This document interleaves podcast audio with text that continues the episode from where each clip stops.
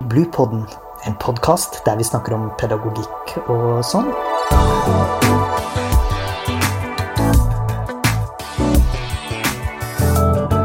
Podkasten er laget av barnehagelærerutdanninga ved Høgskolen på Vestlandet.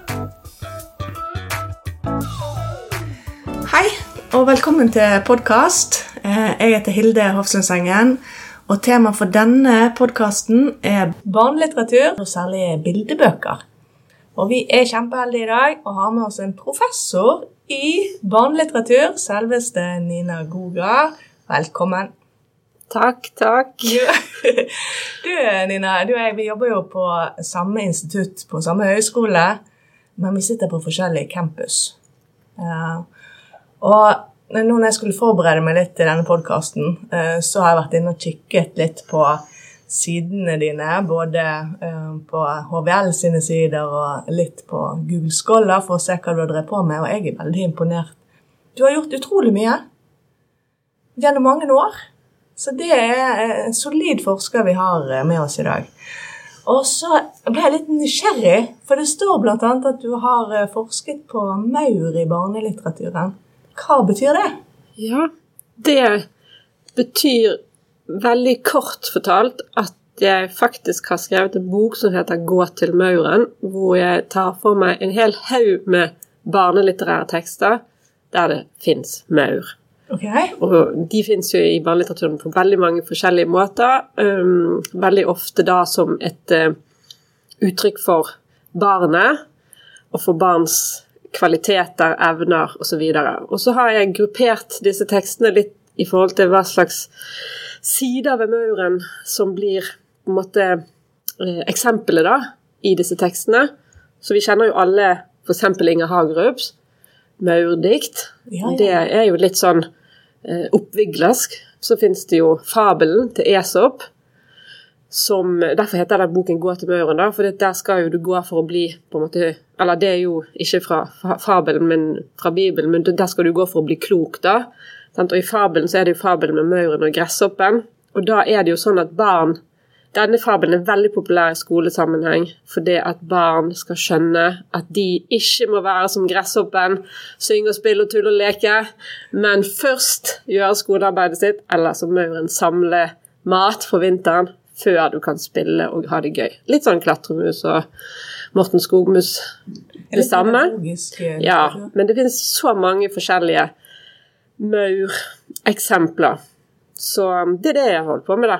Og den zoologiske mauren, da, også. I Hva, hva er den zoologiske Ja, det er jo liksom maurtekster som faktisk handler om maur, og ikke om barn. Som, ja, for barn. Altså om maur. Om, om virkelig maur for barn, da. Ja, men det er sånn eh, eh, håper jeg fakta Ja, mer faglitterært. Men også der sniker det seg jo inn litt sånn eh, forestillinger om sammenheng mellom maur og barn, da. Ja. Og du kan jo tenke deg på rammeplanen for barnehagelærerutdanningen, Ja. siden dette er en blue pod, Ja. så er det, går det jo, kravler jo det noen maur over forsiden på den. Uh, har det i hvert fall gjort. Ja, det stemmer så det. er ikke tilfeldig. Nei, men det har jeg ikke tenkt på engang. Så gøy. Ja. Så den mauren det er en veldig sterk symbolikk eh, å knytte til barn. Veldig, og det finnes jo mange barnehager som har sånn eh, eh, maur som en, f.eks. en gruppe som heter Maurene, eller de har, kaller seg for Maurtua barnehage, eller Altså, det er så Det er så mye av det at du kan bli helt svimmel, men det er veldig, veldig gøy. Ja. Og det er veldig sånn typisk grunn til at jeg kan interessere meg for noe sånt, så det er at det er et eksempel på en sånn liten figur som har enorm virkning i språket, i forestillingene våre, og som vi ikke alltid tenker over, da. Mm. eh, Når jeg tenker etter, så kommer jeg på Disney. Vi har jo hatt en sånn film om maura. Maura man halter. Mm. ja, Veldig menneskeliggjort. Mm. Ja, ja, ja. Spennende. Er det noen andre dyr når først, eh, er det noen andre dyr som sånn typisk eh, står ute i barnelitteratur? Ja, det er det, hvis vi skal snakke om de tingene. Det er jo hester, selvfølgelig. Det fins jo et helt eget sånn hestebokstudie, nesten. Okay. Så vil jeg jo si katter, ja, men hunder er også veldig, veldig interessant, da. Um, og fugler. Uh, veldig, veldig utbredt. Det vil, ja, jeg vil si det noen isbjørner. Isbjørner, her og ja. der. Det er jo en dansk forsker som heter Anna Karlskov Skyggebjerg, som har skrevet en tekst om isbjørner, noen utvalgte eksempler. Da. Ja. Så, Mm. Det er så og griser. Og griser. Og aper. Det er mange dyr, Ja, altså. men det, det finnes, De representerer litt forskjellige ting, men det er ganske utbredt. For eksempel de der Benny-bildebøkene. De svenske. Ja, men Benny. Han er en liten gris. Ja. Apan Fin, som um, en svensk bildebok. Også, Mm. ja. ja. Så her er mange forskjellige eh, Kanskje, kanskje det du egentlig sier nå, er at bildeboken har flere lag og en symbolikk som kanskje ikke nødvendigvis eh, man vet om engang. Mm, ja da, det er alltid grunn til å stille, stille seg det spørsmålet når man møter en bildebok med en dyrekarakter, gjerne som erstatning for barnet, da, hvorfor dette dyret er valgt. Ja. Ja. Det er spennende. Har du alltid vært eh, interessert i eh, litteratur? Mm, ja, altså Jeg har jo eh, veldig tydelige barndomsminner som et lite barn, da. eh, Fra min mormor særlig. Hun hadde den eh, gåsmorvers. Det var en gang en kone som bodde i en sko. Det var favorittdiktet mitt og favorittillustrasjonen min i den boken. Syns det så utrolig gøy ut å bo i den skoen. Så der kunne jeg sitte lenge med den. Så det var jo et sånn Det er veldig klare barne, barnedomsminne i forhold til den type lesing. Så leste jeg veldig mye som barn, men jeg tror ikke jeg var noe sånn Jeg var ikke noe sånn eh, hadde ikke liksom noen identitet som leser, men jeg leste veldig mye. Men jeg leste på helt rare måter. Sant? For eksempel så oppdaget jeg husker at jeg er ganske gammel, sant? men det var jo på slutten av 70-tallet, så eh, kom sånn Gyldendal-bøker. Sånn norske, nye norske barnebøker, barne- og ungdomsbøker. var sånn oransje omslag, sånn rød av vikinger og sånne ting. Så, det, så jeg bare lånte alle som var oransje, fordi jeg tenkte at det var en slags sånn De er gode, tenkte jeg. Så leste jeg alt det. Ja, liksom. Men jeg leste mye, syntes det var veldig kjekt. Syntes det var kjekt med bøker hvor det var ting jeg ikke helt forsto. Jeg har veldig sånn sterke inntrykk. Det kan godt hende det var en dårlig bok som gjorde at det var en, et hull i boken, holdt jeg på å si. En hull, et hull i fremstillingen som gjorde at jeg ikke forsto hva som skjedde. Hvordan kom de seg inn der, liksom. sånn. Ja. Og så um, Ja. Men eh, det var jo ikke sånn at jeg var spesielt interessert i norskfaget i det hele tatt. Jeg var mye mer interessert i matematikk og naturfag. Og det var nok det jeg hadde tenkt å drive med i livet. Skulle bare ta en liten pause fordi jeg måtte ta sånn forberedende kurs i matematikk, så jeg måtte bare ha et lite sånn Studerte litt norsk. Så Det var det gjort. var det gjort. Ja. men, men eh, naturfag er det jo, eh, ser jeg jo i eh, det du har skrevet òg, da. Ja, der er en mulig sånn kobling. Ja. Ja. Så For jeg har sett, og nå hopper jeg litt her, men for jeg, det har jeg sett at du òg har noe som heter bærekraftig litteratur. ja. Du har skrevet om det, og økokritisk litteratursamtaler. Ja, altså vi er jo en gruppe da først og fremst eh, i Bergen da eh, en sånn forskergruppe som heter på engelsk 'Nature and Children's Literature and Culture'. Og den har eksistert siden 2013.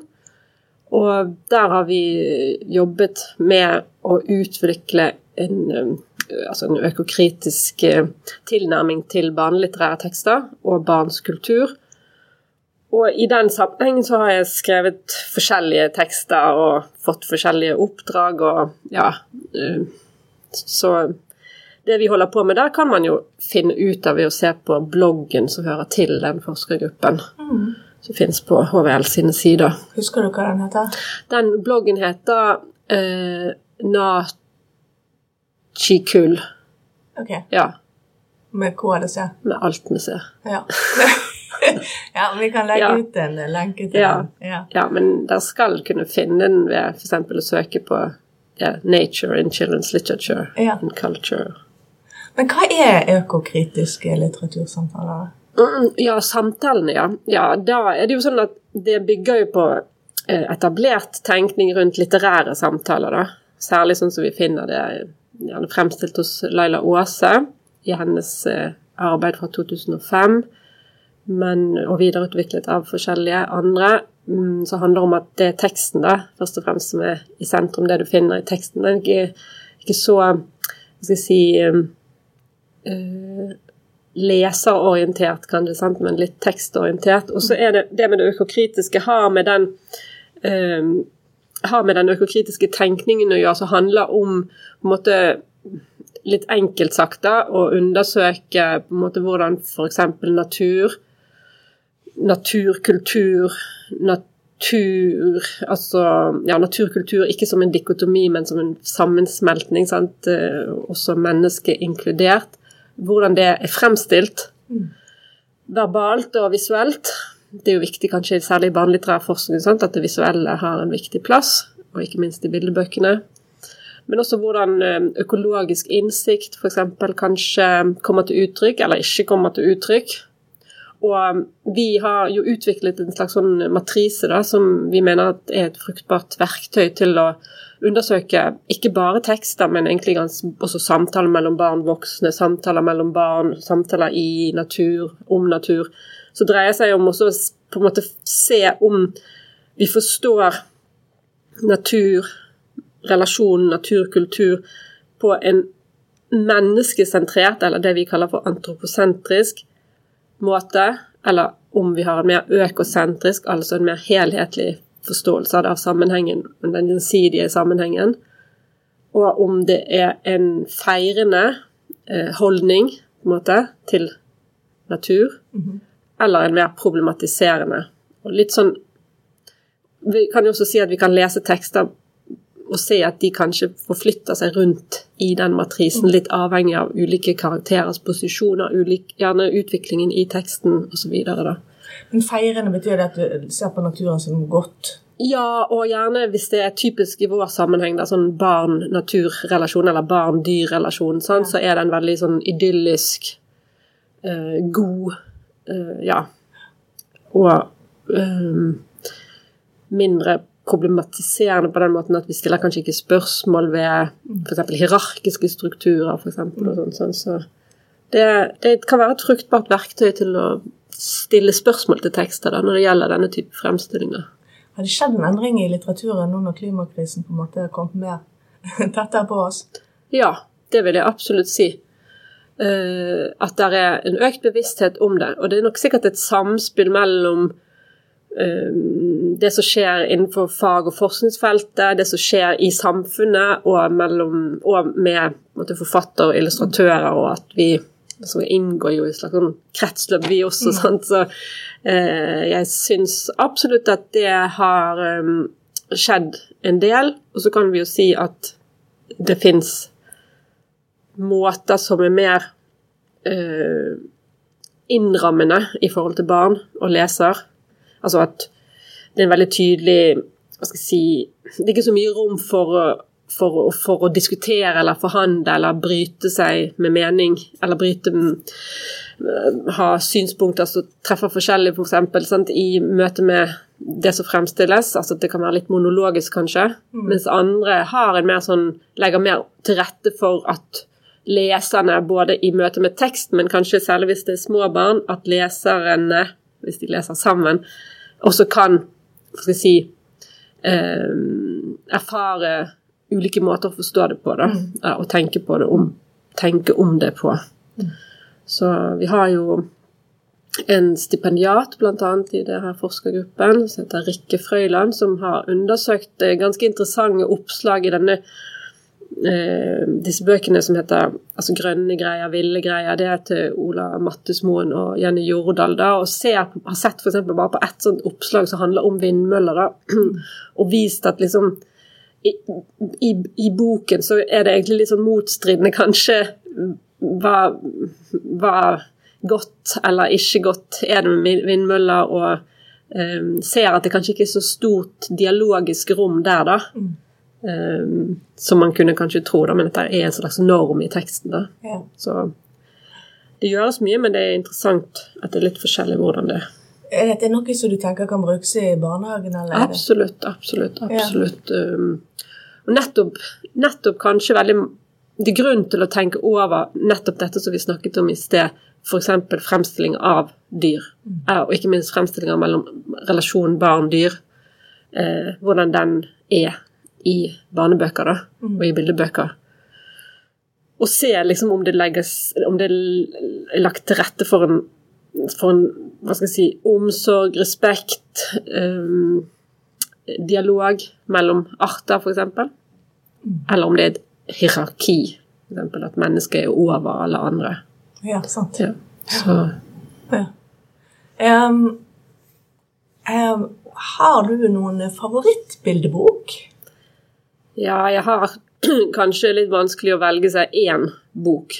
Altså det Ja, det kan jeg forstå. Ja, det er nesten umulig, men um, det går an å tenke seg kanskje til litt forskjellige sammenhenger, da. Men jeg vil jo si at også favoritt det syns jeg er også et veldig vanskelig ord. Sånn, Ja. liksom favorittmat og favorittskuespiller og favorittditten. Det går jo egentlig ikke, for det, Nei, men akkurat fordi vi har forskjellige I situasjoner. dag, forskjellige, liksom. Akkurat i dag, ja. Ehm, så tenker jeg at jeg syns det litt, ville være litt rart å ikke nevne en bok som jeg syns i hvert fall er veldig viktig, som er en klassiker da, når det gjelder bildebøker, som i Norge har tittelen 'Til hyttetuenes land'. Og det mener jeg kanskje litt strengt at er i hvert fall noe som et barn i det minste bør møte i barnehagen. Så alle barnehager kan jeg si at jeg syns bør ha det. Men jeg syns at hvis du skal gi et, en bok til et, et eh, lite barn, så kan det være en av de bøkene du kan tenke dette er alltid en gave som kan gis. Eh, fordi at den har, den har så mange elementer i seg. Den er Historien er helt sånn grunnleggende eh, knyttet til, til til glede og til frykt og til reise, til det ukjente, til det trygge. Og også rent sånn estetisk, da, som den, sånn som den forteller historien, både i ord og bilder, med alle de teknikkene som finnes med bladvending og bruk av forholdet mellom verbaltekst og illustrasjon, så er den nesten en lærebok i bildebok, da, måten den utvikler seg på. da. Ja. Så jeg syns det er en viktig bok å nevne. En annen bok som jeg også alltid syns man kan gi til et barn, det er en liten bok av en helt fantastisk illustratør som heter Akin Dysakin. og har illustrert enormt mange norske bildebøker. Men denne boken har han skrevet helt sjøl, og den er ganske enkel. Mm, Men den er også veldig eh, Har alle de ingrediensene som jeg tror et barn, et barnehagebarn uh, kan trenge, både for å utvikle fortelling, men også uh, Hva skal jeg si mm, Hukommelse, nesten, og gjenkjenning. Og den heter 'Kom til Lukas'. Og det handler om en gutt som skal feire bursdagen sin. Vi skjønner til slutt at det sikkert er treårsdagen, men det skjønner vi bare fordi det er tre lys på en kake på, yeah. på det siste bildet. Men um, den har jo en sånn repetitiv struktur, men hele tiden noe nytt og noe overraskende. Og du kan Ja, det er en bok du kan lese mange, mange ganger og gjøre nye oppdagelser med et barn som vokser. Er det, er det kanskje mer enn en for de aller yngste, eller? Ja, han blir jo tre, så du kan jo lese han helt fra ett til to, tre år, tror jeg er helt fint. Og så vil jeg kanskje bare nevne en annen illustratør som også har skrevet mange viktige bildebøker. En annen ny norsk, eller hun er jo ikke ny, men blant de samtidsillustratørene, eller bildebokskaperne, og det er Anna Fiske. Ja. Det, hun kommer man ikke utenom. Men jeg kunne jo fortsatt å ram, ramse opp, da, men ja. Er det mye god eh, litteratur? ja, det er veldig, veldig, veldig, veldig mye bra. Det er veldig høyt nivå på det norske, ja, men altså internasjonalt også er det jo helt enormt mye eh, fantastisk fint. Det er jo folk før meg som har sagt at det er Du kan like så godt gå på en kunstutstilling i bildebøker Mm. som i et galleri, da, men mm. Men jeg har jo en egen interesse også for det som kalles for Vi kan kalle for fagbildebøker, eller sakprosa Mm. for barn i bildebokform, da. Altså mer sånn fakta? Ja, det er jo en, en Det er jo det blir helt rødt inni øynene mine hvis, eller i, med ordet faktabok, da, for det er kanskje nettopp ikke det som er kjennetegner kanskje de fagbildebøkene som jeg syns er mest interessante. Selv om f.eks. en som jeg kunne tenke meg å trekke frem, som er en ganske ny bok eh, av Line Halsnes, som heter 'Tøffe maskiner'. Den har jo mange av de trekkene som vi kanskje regner som en sånn type faktabok, med sånne oppslag med, med, med, med tekst til objekter osv. Men det er noe med måten hun har gjort det på, litt noe med at det ikke bare er oppslag, og så ser du maskinen i sine deler, men det er både eh, hvilken område de brukes, og det er også sånn at du kan se den i sin helhet og se den lagt ut med alle sine deler. Så den, hver, hver, maskin har vel en tre eller fire oppslag. Mm. Og det er i hvert fall en bok som du kan lese fra man er ett år til ja, lenge, tror jeg, med stor interesse. Og jeg har selv hatt erfart noe veldig interessant på en måte med den boken, fordi jeg har sett både bitte, altså bitte små barn, ett, ett og et halvt, med stor interesse. Det er jo de samme som ser Fantus og maskinene, kanskje, sant? og hvis nå er det blitt så ikke så akseptert å se disse en gang for barn under to år, eller hva som var den siste, den siste eh, tanken om de der små filmene. Da, men da kan man i hvert fall trygt lese en bildebok, vil jeg tro. Men ja, ja. Eh, sett den bli lest høyt. Og også barn som ikke engang forstår norsk, har satt seg ned og vært dypt interessert måte, i en sånn type bok. Så det er jo Det er ikke noe narrativ i de, sant. Det er en ja, det er en det, det, er liksom et um, Der det er et bruksområde, eksempel. Sant? En, en um, det, altså mer som et, ja, som et oppslagsverk, kan vi kanskje si, på en måte, da. Men um, ja, i hvert fall verdt å se på, da. Mm. Mm. Det er veldig spennende å si. Jeg ser jo at det er ofte eh, bildebøker med historier som blir brukt i barnehagen. Mm. For det de mm. rapporterer ofte til bruker. Ja.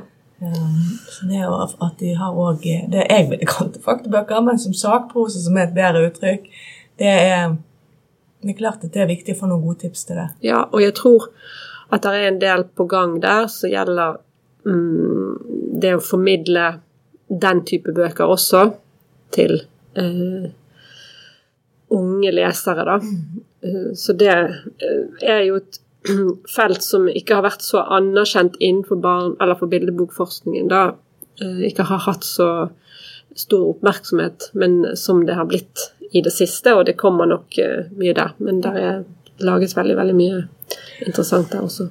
Jeg ser at tiden den flyr, men jeg tenkte før vi avslutter å spørre deg om du har noen tips til barnehagelærere. Er det noe tenker at eh, de bør tenke på når de leser, eller har du noen andre du, ja, Noe du tenker er viktig å få? Ja, her er det jo kanskje viktig å også eh, vise til noen som er spesialister på dette. Bl.a. Trine Solstad, som både har skrevet en doktoravhandling og har skrevet en slags lærebok da, om det. Doktoravhandlingen han heter vel 'Snakk om bildebøker', mens boken heter vel 'Samtaler om bildebøker'. Og den er jo mer en slags håndbok da, mm. for eh, f.eks. barnehagelærere. Da.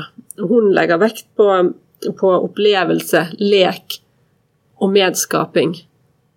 Og eh, det sier, altså de, de, tre stikkordene, opplevelse, lek og medskapning, sier jo noe om måte, holdningen både til boken, til forholdet mellom den som leser med for barnet, og til barn. da som jeg tenker er veldig, veldig viktig. Og det er jo noe med å uh, finne en balanse mellom å følge barnet sin interesse, hva de har lyst til å lese. De fleste som jobber i barnehage, erfarer jo fort at barn gjerne vil lese det samme om igjen og om igjen, og det syns jeg er viktig å kunne gjøre, for det er nok helt sikkert ting de holder på med, og grunner til at de vil ha det sånn. Men så skal man jo også um, tenke på at man skal introdusere dem for noe som de ikke uh, kjenner til, da. Og det syns jeg det kan det, det, er viktig å orientere seg i bøker, da, i hva som fins.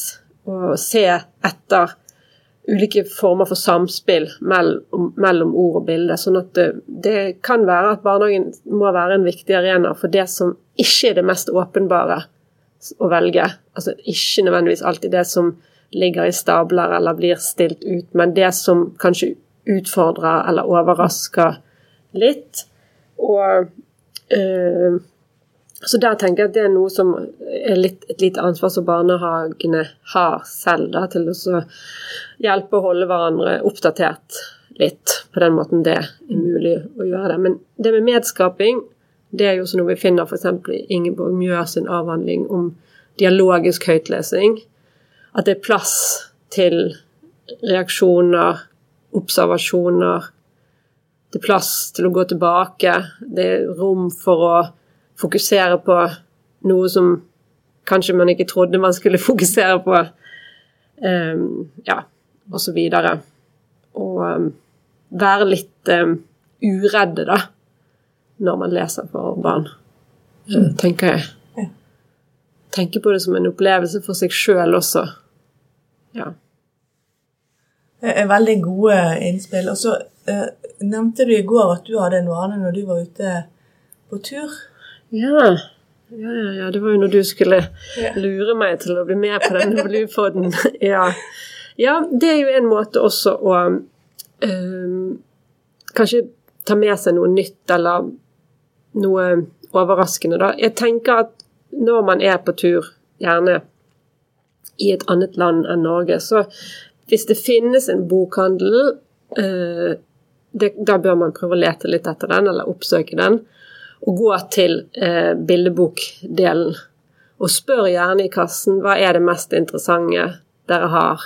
Hva er det som er nytt? Hva er det som er Hvem er den kjekkeste illustratøren for tiden, eller hva bør jeg vite om?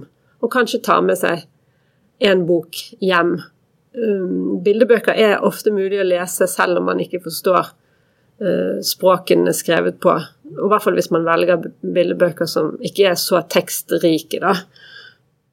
Så kan man eh, lage tekst, medskape litt selv. En annen ting er jo også ABC-bøker, da. For alfabetet. Det er ikke så lett å oversette ABC-bøker fordi vi har andre ord til bokstavene enn ja, ja. fra kultur til kultur. Men derfor så kan ABC-bøker være en spennende Ja, anbefaler egentlig alle som jobber med barn og bøker. Og ha sin egen lille samling med ABC-bøker fra rundt omkring. Ja. Det spørs om du må invitere deg en annen gang til å komme og snakke om ABC-bøker, for dette hørtes veldig spennende ut. ja, dere har jo her i Sogndal her, dere er jo eh, nede i en kjeller, eller i første etasjen kanskje, en fin vegg med masse av illustrasjonene til, til Mari Kanstad Johnsen, som vel er hentet fra hennes ABC eh, bok, som er en annen fantastisk fin bildebok, da. Som jeg tror absolutt hører til i barnehagen. For det, hun bestemoren henter vel hun lille jenten i barnehagen, så leke og oppleve alfabet sammen. Ja. ja. Tusen takk for at du eh, ble med på podkasten. Det var kjempespennende og veldig lærerikt å høre på deg. Podkasten er laget av barnehagelærerutdanninga ved Høgskolen på Vestlandet.